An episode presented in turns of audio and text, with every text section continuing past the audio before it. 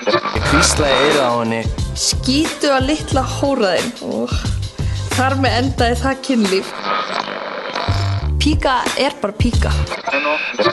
Hvort finnst þið skemmtilega að vera á túr eða ekki? Og þá er ég bara, nei, ok, við þurfum að tala saman, sko.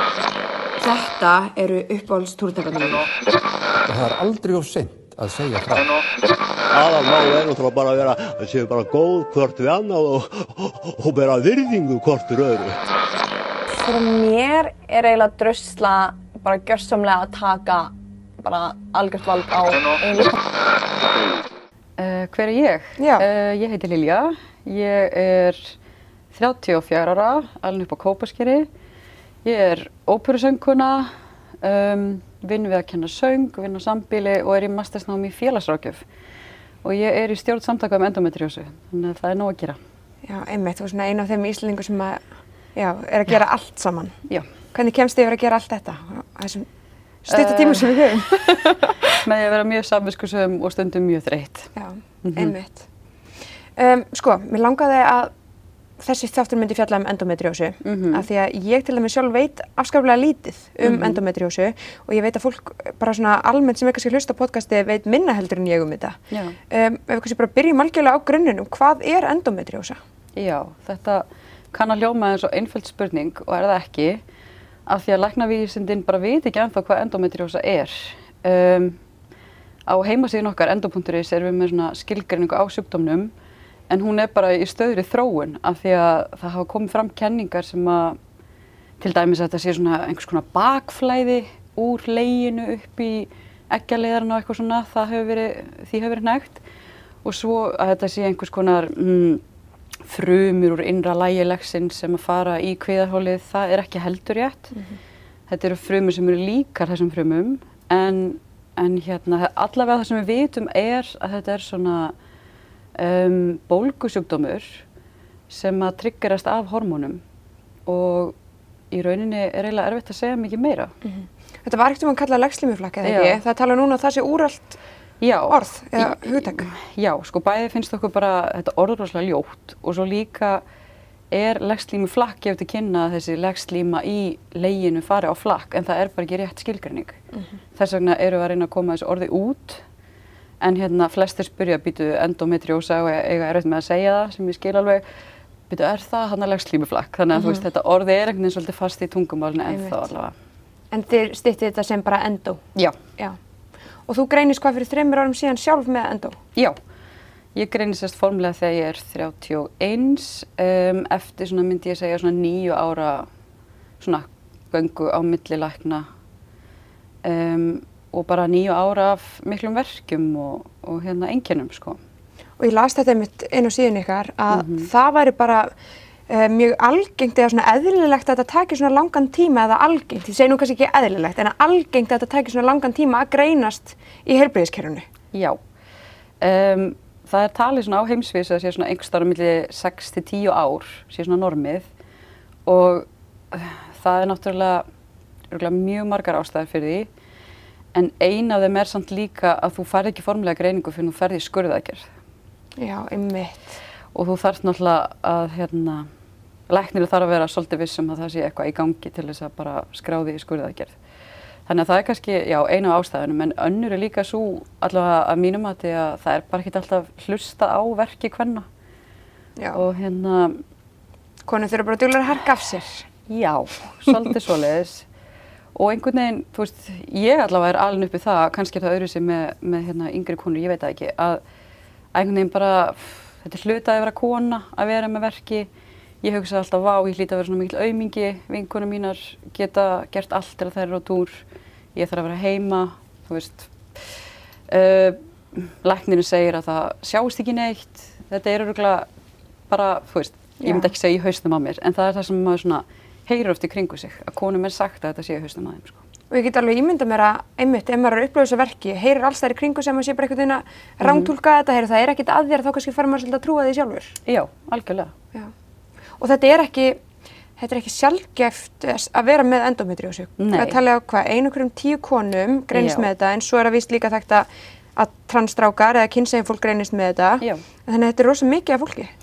Mjög mikið og ég meina 10% þó við tölum bara um konur, eins og segja líka kynsegin fólk og transkallar, þá hérna, mm, það er bara, jafn margir erum í síkusíki, skilur Já, Þetta er bara einmitt. opbóðslega algengt og mjög vangreint líka. Hversu svolítið meira tabú heldur en sikursíki? Já. Að ræða þetta? Já, en ég minna, sko, okkar markmið, þú veist, hjá samtökum um endometriósu er að skapa umræði, er að, að vekja almenning og lækna svona til umhugsunar um hvað þetta er algengt. og, og það bara skiptir úrslega miklu máli að fá greiningu, bæði bara upp á þitt sálarlíf og upp á að, að hafa, að svona ná stjórn á þróun sjúkdómsins með skurðaðgerðum, með hormónalifjum og, og svo er hægt að fara í sjúkraþjálfun sem getur hjálpað upp á svona vöðvaspennu í kviðarhóli og alls konar svona og hérna, en annars er ekki til neina lækning, þetta er króniska sjúkdómur. Einmitt. Þannig að já, en þú veist, þetta er náttúrulega allt eitthvað svona neðan beltis eitthvað, þú veist, mjög algengt að vera með ristilverki, að vera með þvagblöru vandamál, að vera sífælt með sveppasíkingar, bakterísíkingar, þú veist, þetta er allt eitthvað svona sem að maður kannski er ekkert að tala um í kaffi hjá ömmu sinni, sko. Þannig að, hérna, já, En er mikilvægt að það breytist? algjörlega, en það finnst mér. Já. Hvað myndi það gera til dæmis bara fyrir þig ef þetta væri, ef þið finnist þess að þú gætir talað um þetta og, og sagt frá þessu kannski bara við fólk að, að þetta væri ekki svona tabú, hvað myndi það gera fyrir þig? Um, wow, já, uh, það myndi auðvelda bara lífið og ég held að ef maður væri bara svolítið opnar um, um hérna, uh, já, bara verki, tengdum uh, ristilreyfingum og alls konar, þá myndi maður auðvitað líka sjá hvað þetta er algengt. Já, einmitt. Það eru rosalega margir sem tala ekki endalaust um sveppasýkinganda sínar eða þú veist verki og alls konar, þannig að ég held bara, já, að það myndi klárlega koma hana óvart hvað eru margir sem að tengja við eitthvað þessu. Akkurat. Já, kannski ekkert að þannig að þetta sé þannig að maður sé að tala um þetta um sveppasýkingunum sínum alla sem maður hittir allan daginn, alla daga, en bara að maður finnist, já, maður finn, finn ekki endilega þessa skömm að vera að tala um þessa hluti. Já. Þegar maður þurfa að tala um þetta. Algjörlega. Um, en ég er svolítið forrættin, hvernig kemur þú síðan inn í samtök, samtökinu um endometriósu á Íslandi? Já, sko ég myndi segja að ég hafi greinst bara fyrir þeirra tilstöðlun sko. Um, maður náttúrulega fer að smá saman að leita einhver á netinu og kannski það hefur margt breyst bara sístu fimm ár og hérna og ég var svona orðin nokkuð viss um að þetta væri það sem væri að hrjá mig löngu áður en að, hérna, ég fekk reyningu og mér fannst bara sjálfur svo mikilvægt að einhvern veginn taka þátt í þessari vitundavakningu. Þannig að það var bara ástæðan fyrir því að, að ég leitaði til samtakarna, fekk bara frábæran stuðning þar hjá öðrum konum í sömu stöðu, hjá stelpanum í stjórninni og svona smám saman bara einhvern veginn svona fór að vinna með þeim og er núna já í stjórninni. Þannig að já, mér finnst þetta bara opbúslega mikilvægt málefni, þannig bara svona ástæðan fyrir því að Örgulega bara fyrir fólk líka átt að segja á því að sé myndi ekki eitt sem er að upplifa þessa verki, mm sé ykkur aðri sem er sporum, það eru aðri sem er að komast í gegnum þetta. já. Þannig já. En til dæmis þá er ég uh, tónlistakona og uh, eins og þú kannski þekkir þá snýst sá heimur opaslega mikið um einhver svona ímynd og ég fann það sjálf og, og líka margir fleiri svona í kringum mig sem er í svipum sporum að það er svolítið óþægilegt að koma fram sem einhver sjúklingur, mm. skilur við. Þú veist, þú vilt ekki að tónleikahaldarar eða þú veist, einhverju sem eru með einhver festival eða þú veist, uh, óperan eða hvað sem það er, einhvern veginn líti á þig sem einhvern veginn svona, einhvern minnimáttar, einhvern sjúkling. Þannig að mér finnst það svolítið svona skref að koma út með þetta og bara ekki spá í því, þú veist, bara ok, ég ætla bara að vera hluti af einhver svona hreyfingu þar sem að þetta verður bara einhverju normi. Já.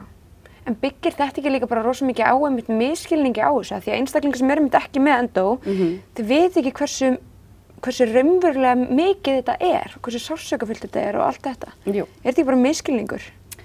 Og þetta sé bara væl í fólki? Jú, segi ég, þú Já. veist, en já, ég veit ekki. Já. er náttúrulega sjúkdómurinn mjög misalvarlegur og, og ég meina, ég stund að vinnu eins og ég sagði að ég er að gera ímislegt. Mhm. eh, þetta hefur ekki ennþá svona stoppað mig að gera eins og hluti, en, en samt sem áður þá hugsa maður, vá, hvernig væri mitt ef ég þurfti ekki að takast á við þetta. Akkurat. En, hérna, en fyrir suma er þetta alveg svakalega alvarlegt. Já. og það eru konur á Íslandi sem eru öryrkjar vegna endometriósu og yfirleitt þá er svona talað um að þær séu með eitthvað annað líka. Geðrann vandkvæði, uh, vefjagikt, mígreni, einhvers konar fleiri ástæður fyrir það að fara á örorku, en kannski grunn ástæðan er samt endometriósa. Og ég tók saman sko nokkrar af svona algengum, um, já, það er svona algengir verkir sem að tengjast endometriósi sem eru ná einmitt síðan ykkar og kannski fínt að benda hlustundum á að, að það er að fara inn á endo.is og lesa sér algjörlega til um þetta Já. sem ég hvet fólk til að gera en bara að algeng enginni séu hérna mikill sársauki, langar blæðingar, milliblæðingar, sársauki við eglos, verkir í mjóbaki og niður eftir fæti, við og, fyrir, nei, við og eftir kynlífsegja, verkir tengdir þvægblöðru, um, hægðartrægða eða niðurgangur, ógleði og uppköst, ófrásemi og síþreita. Ég tengi við allt þarna nema eitt. sko. Í alvöru? Já, Þetta er hrikalegt. já. Og eru þetta þá, bara þú veist eins og í, í svar bara fyrir þig, frekar mm endilega fyrir alla aðra, en bara eins og með þetta, þú veist, er þetta eitthvað sem er stöðugt eða er þetta þegar að bara einstaklingar frá blæðingar, er þetta rétt fyrir blæðingar eða er þetta bara almennt séð?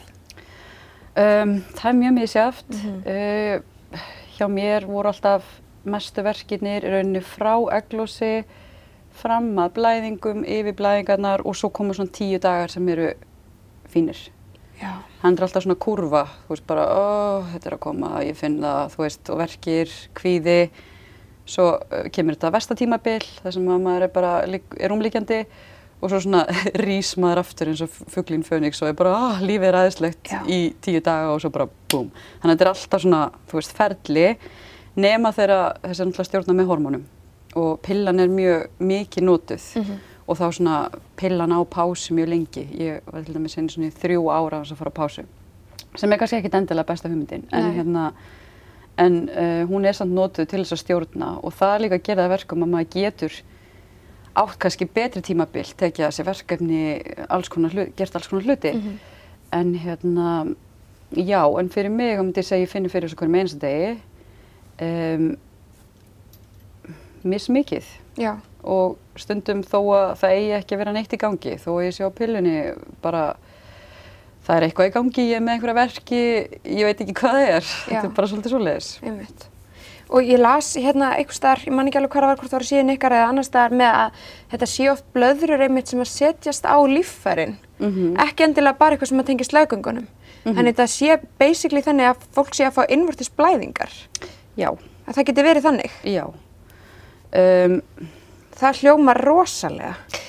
Já, uh, það tala alltaf um svona endóskellur eða endóbletti í hverhólinu sem eru svona á yfirborðstækju líffærana og svo triggerast þessi blettir þegar þú fyrir á blæðingar og, og þá sést verður til svona, um, svona blæðing í þessum stöðum sem eðlilega kemst hvergi, þú veist, hún kemur ekki niður um legungin, þannig að, að þá svona myndar þetta svona örvef sem svo smám saman oft svona festir líffæri saman. Veist, það er mjög mikið af svona samgruningum í hverhólinu og ég til dæmis með mjög mikið svo leiðis.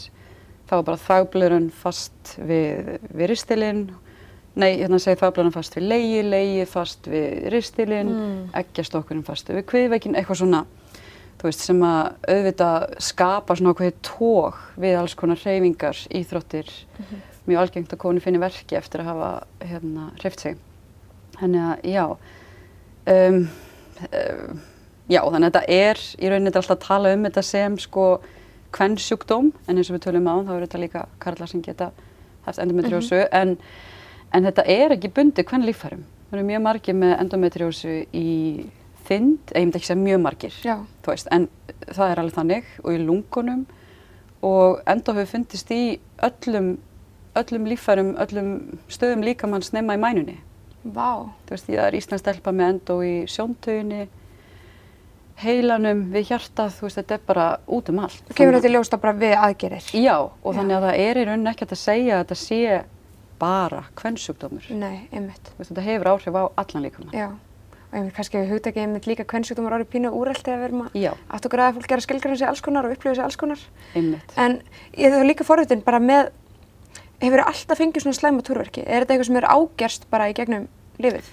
Já, hjá mér þá ágerist þetta. Það er tala um að svona 60% finni fyrir enginum fyrir tvítugt og sumir eru bara frá fyrstu blæðingum bara með virkilega slæmaverki. Uh, ég var svo heppinn að ég var bara góð svona rétt fram yfir tvítugt. Já, Já. og svo svona smám saman vestnaði þetta og Ég var sérst greind í aðgerð hérna 31 árs og hefði í raunin átt að fara í aðgerð miklu fyrir sko. Það var bara sjúkdómurinn búin að skerða frjósemina mína og lífskeiði. Ég meina ef það hefði verið greipið fyrr inn í þá hefði það til dæmis um, örgulega haft minni áhrif en það hefði gert. En hvað heldur þetta sé, er þetta það bara að læknar eru það óvissir um að senda í skurðaðgerir að Mhm. þeir sleppa því frekar að greina heldur en að taka þá, þann séns? Þetta er eitthvað svona, Ég veit það ekki alveg. nei, um, læknar er alveg öruglega að reyna sitt besta og þetta Mhm. er úrslega snúin erfið sjúkdómur um, maður hefur þetta séð erlendir síður stóru svona endosamfélagi á netinu að það er talað um að, að sko að í læknanáminu sé þetta einn kúrs, skilur, þessi sjúkdómur. En hvort það er satt veit ég ekki en, já, en hérna þannig að þekkingin nema að þeir hafa einhvern veginn svona uppfært sig og kannski sérhæft sig í þessu er kannski takmörkuð, ég veit það ekki. Þannig að ég vil sé bæði kannski blanda af, af svona einhvern veginn að fólk veit ekki ennþá hvað þessi sjúkdómur er pluss að það sé kannski ekki alltaf hlusta nú vel á konur. Ég held að það sé kannski svona... og þú sagðir eins og á hana, þú hefði svolítið flakka á milli læknaðan í mörg Já. ár. Hvernig var það að þurfa að fara alltaf til einhvers nýs einstaklings og, byrja aftur á sama punkti, bara heyrðu, nú getur ykkur hlustað á mig?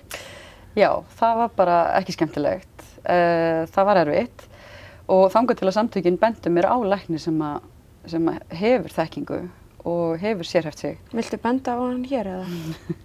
Bara hafið samband við samtökin. Hafa samband við já, samtökin? Já, Ok, við bendum bara á ákveðna lækna sem, að, sem að er í endoteiminu á landsbítalanum og, og sem að hafa sérhæft sig. Já. Og hérna, Já, og það var svolítið annað að koma til læknis sem að hefur sérhæft sig og, og ég var bara tilbúin með, með lista, mæli með því. Ég er búin að skrifa allt niður, þú veist, að því maður þarf að berjast fyrir sér. Þú veist, þetta er þannig sjúkdómur. Þú þarf bara að standa með sjálfur og bara, ég ætla ekki að hlusta á að það sé ekkit að.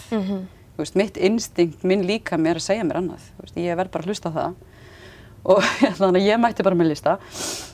Og það var svolítið annað að koma til svona sérfrængs sem bara, þú veist, ég var alltaf skoðuð í sónutæki og bara, já, það lítur alltaf út. Bara, já, frábært. Ekki það er. Ekki staðir. En svo fór ég til þessa læknis og hún skoðaði mig og, og bara, þú veist, þreifaði og fann strax bara, heyrðu, já, ég vil bóka þig aðgerð. Já, Af því að hún veit hvernig það er. Hún veit hvernig það er þegar líffærin hreyfast ekki eðlilega við, við þreyfingu og þekkir enginni bara það vel. Það, hvernig tilfinning var þetta að fá þarna loksins eftir mörg ár, loksins samþygt bara, heyrðu, ég trúi þér, ég hlusta þig. það var bara geggjað. En þú veist, svo tók við tíu mánuða að byggja eftir aðgerð. Já. Það var ekki svo geggjað. Þannig að, já. Og þurftur að vera fleira aðgerir eftir þetta. Já, ég er búin að fara sérst í þrjára aðgerðir, síðustu þrjú ár, já. Og þetta eru alveg stórar aðgerir sem við verið að fara í. Það er alls konar, ég lasi mér til hérna úrræðin sem eru, mm -hmm. verkið með fyrir, hormónum með fyrir, lægnám, ekkjastokkar fjarlæðir, það er alls konar sem er reynd að gera. Já, algjörlega.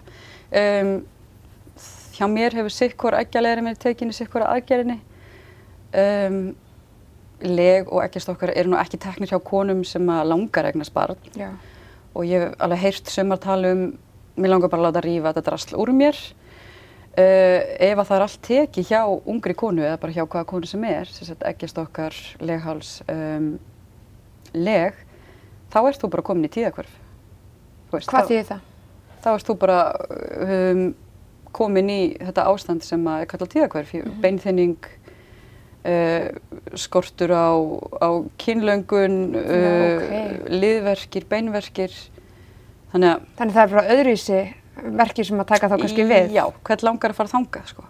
Þannig að, þú veist, það er hægt að taka leið og, og stoppa blæðingarnar en það stoppar samt ekki framgöngu sjúkdómsins af því að hann stjórnast af hormónum og eggjastokkarnir, náttúrulega framlega hormónum okkar, mm -hmm. eða sérst heilin og eggjastokkarnir, já, þannig að Þannig að það er ekkit, það er engin einföld laust, Nei. skilur við. Og örgulega mismunandi hluti sem virka þá mögulega fyrir mismunandi einstaklinga. Já, það sumum er gefið lif sem að framkalla tíðakvörf aðeins að, að hérna, taka öll lífærin og, og minnlæknir vildi að ég myndi gera það núna því ég fór í aðgerð í oktober. Ég ákvað að gera ekki.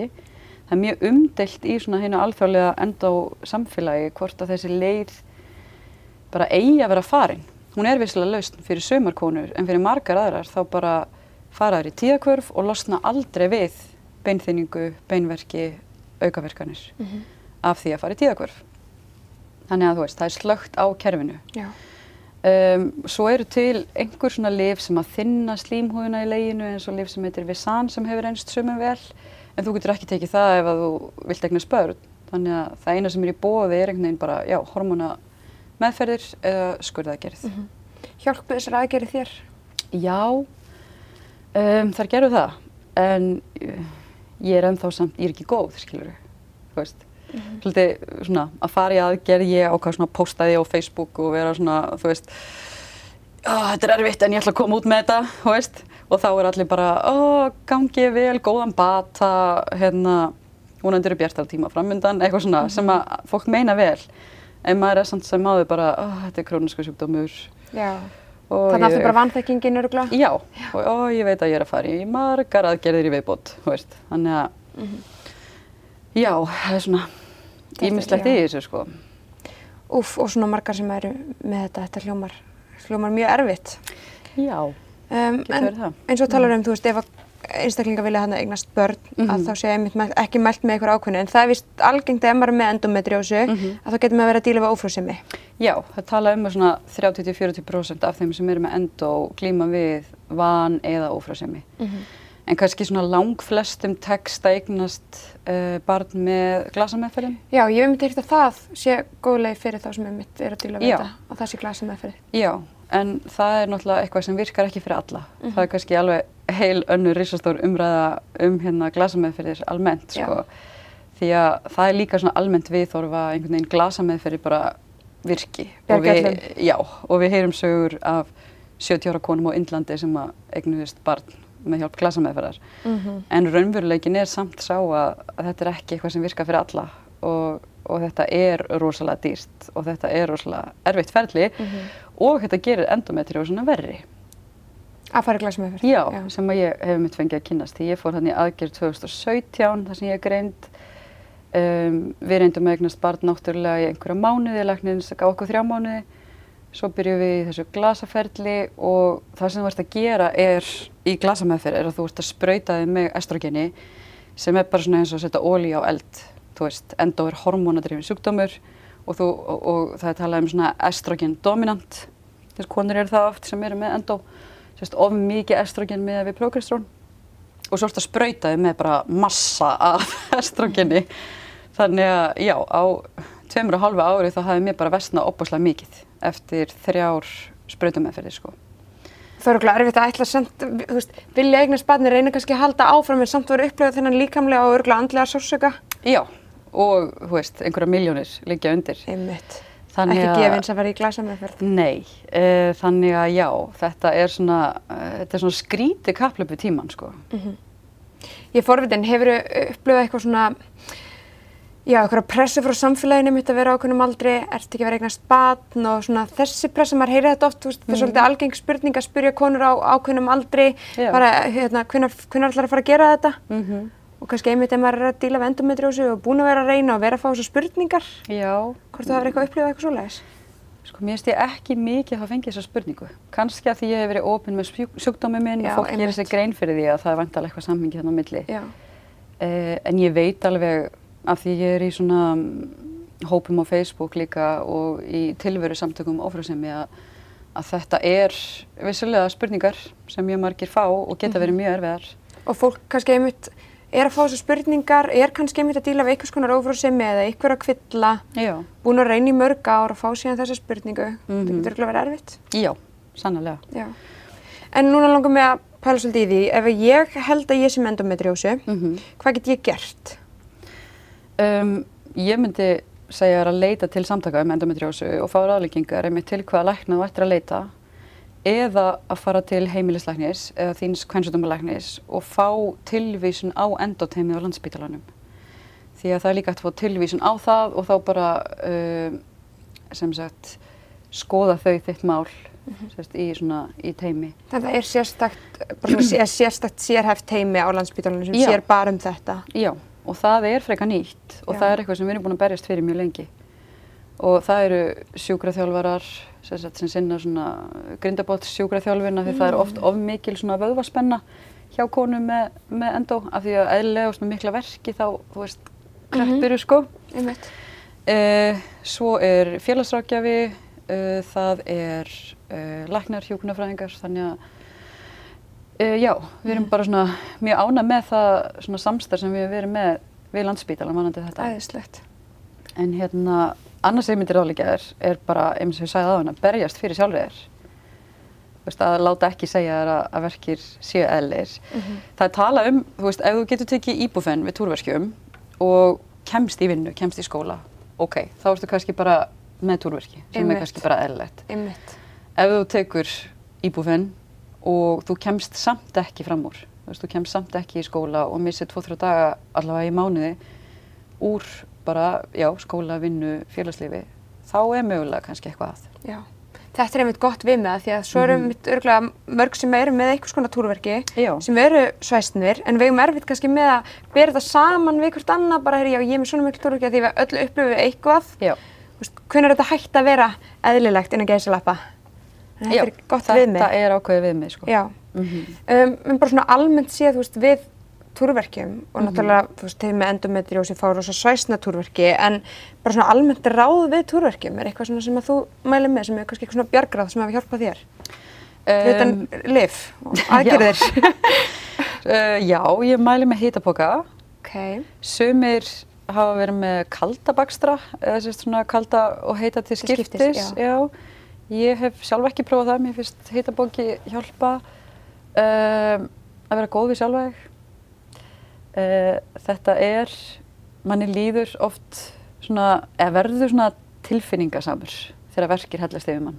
Það er allavega mín einsla. Þannig að, uh, að vera svolítið góði við sig. Segja bara, einmitt, hvað myndi ég segja við vinkunum mína núna? Ég, þú veist, Já. farðu bara upp í sófa.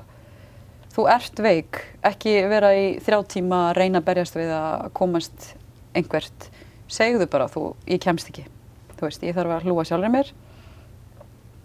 Fáðu þér uh, súkulega. já, Samt ekki mikið, af því svo það er ekki bara eitthvað í magan og allt saman. Uh, Magnesiumbað er eitthvað sem hjálpa mörgum. Hva, hvernig er það gert?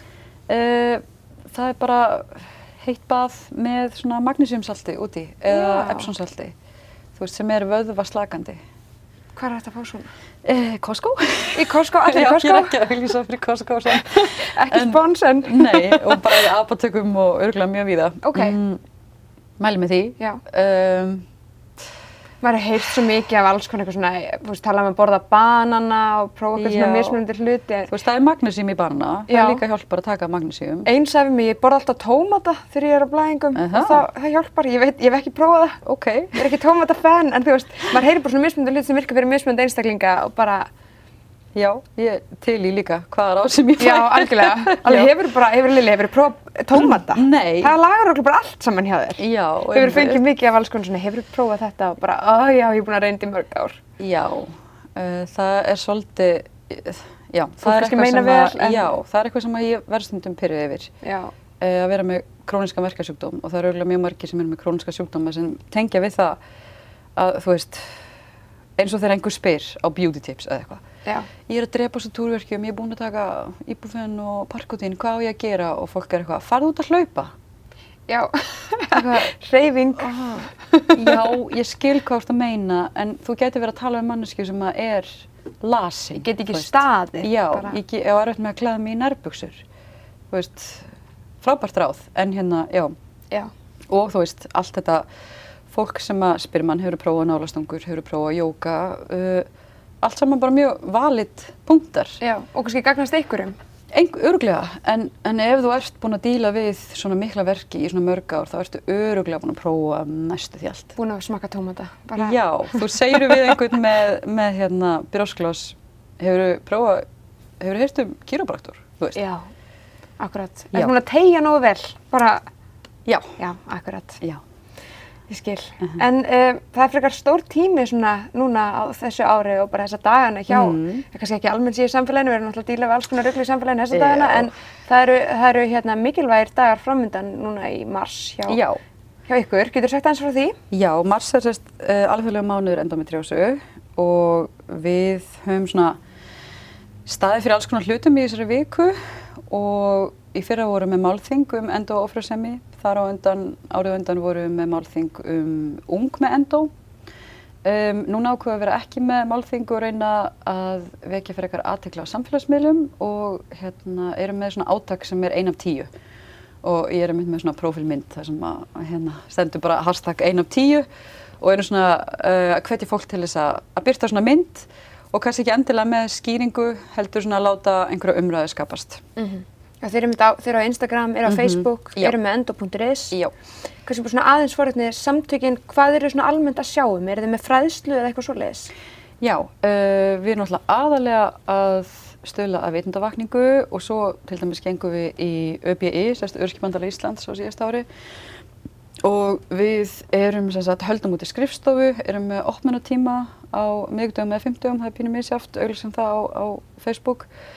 Uh, við sinnum rosalega mikið af fyrirspurnum á Instagram, á Facebook, frá uh, konum, stelpum, maðurum sem, a, sem að vilja fá einhver svör. Við erum með, já, rástefnur, málþing, fræðslu og bara svona ímislegt sem tengist þessum sjúkdómi. Samstarfi kvennadeildina, nú erum við að fara að gefa út nýjan uh, bækling um endometriósu og erum svona að vonast til þess að koma honum bara í sem mesta dreifingu. og, og erum svona, já, á næstu árum viljum við einbytta okkur að úlingafræðslu Einmitt. og hérna og þá kannski, já, tala við skólahjókunarfræðinga vonandi í framtíðinni vera með einhvers konar fræðslu í grunnskólum. Já, ég mani mitt ekki eftir í grunnskóla þegar vorum að læra um blæðingar, þegar við Mhm. lærðum alveg slatta um svona líkamstarfsemi í Já. kynfræðslunni, kannski aðeins minna um kynlífi sjálft en um bara einmitt þetta. Já. Og ég man ekki eftir að hafa heyrt eitthvað svona, svona frávikin frá því að vera bara svona eðlilegum eh, blæðingum. Nei, Þú veist, um alls konar sjúkdóma og svoleiðis, þannig að það kannski vantar. Algjörlega og við erum í sko alþjóðlegum samtökum um endometriósu og förum á málþing erlendis og þar höfum við séð að marga þjóður er að gera mjög flotta hluti í úlingafræðslu, til dæmis í Nýja Sjálandi og víðar. Og við erum svona með í vinslu að, að þýða bara einfallega efni frá þeim og að þetta þarf að vera opaslega vandað. Þú veist, ég vil heldur ekki mæti skóla og, og bara uh, lýsa yfir hvað þetta er ræðilegt, skilur við. Já, Þetta Nei, þarf að vera vel gert. ungi krakkar er alveg frekar hætti við blæðingar nú Já. þegar, bara að heyra eitthvað að leggja blóð út um manni, sko, það hljómar ekkert aðeinslega. Nei, en það væri óbúslega gott ef að þú upplifir einhvers konar vandamál að þú vitir að, þetta sé yfir höfu til Já, þú sért ekki einn sem er alltaf að upplifa þetta. og að, að það sé ekki endilega eðlilegt að kasta upp á blæðingum. Já, einmitt.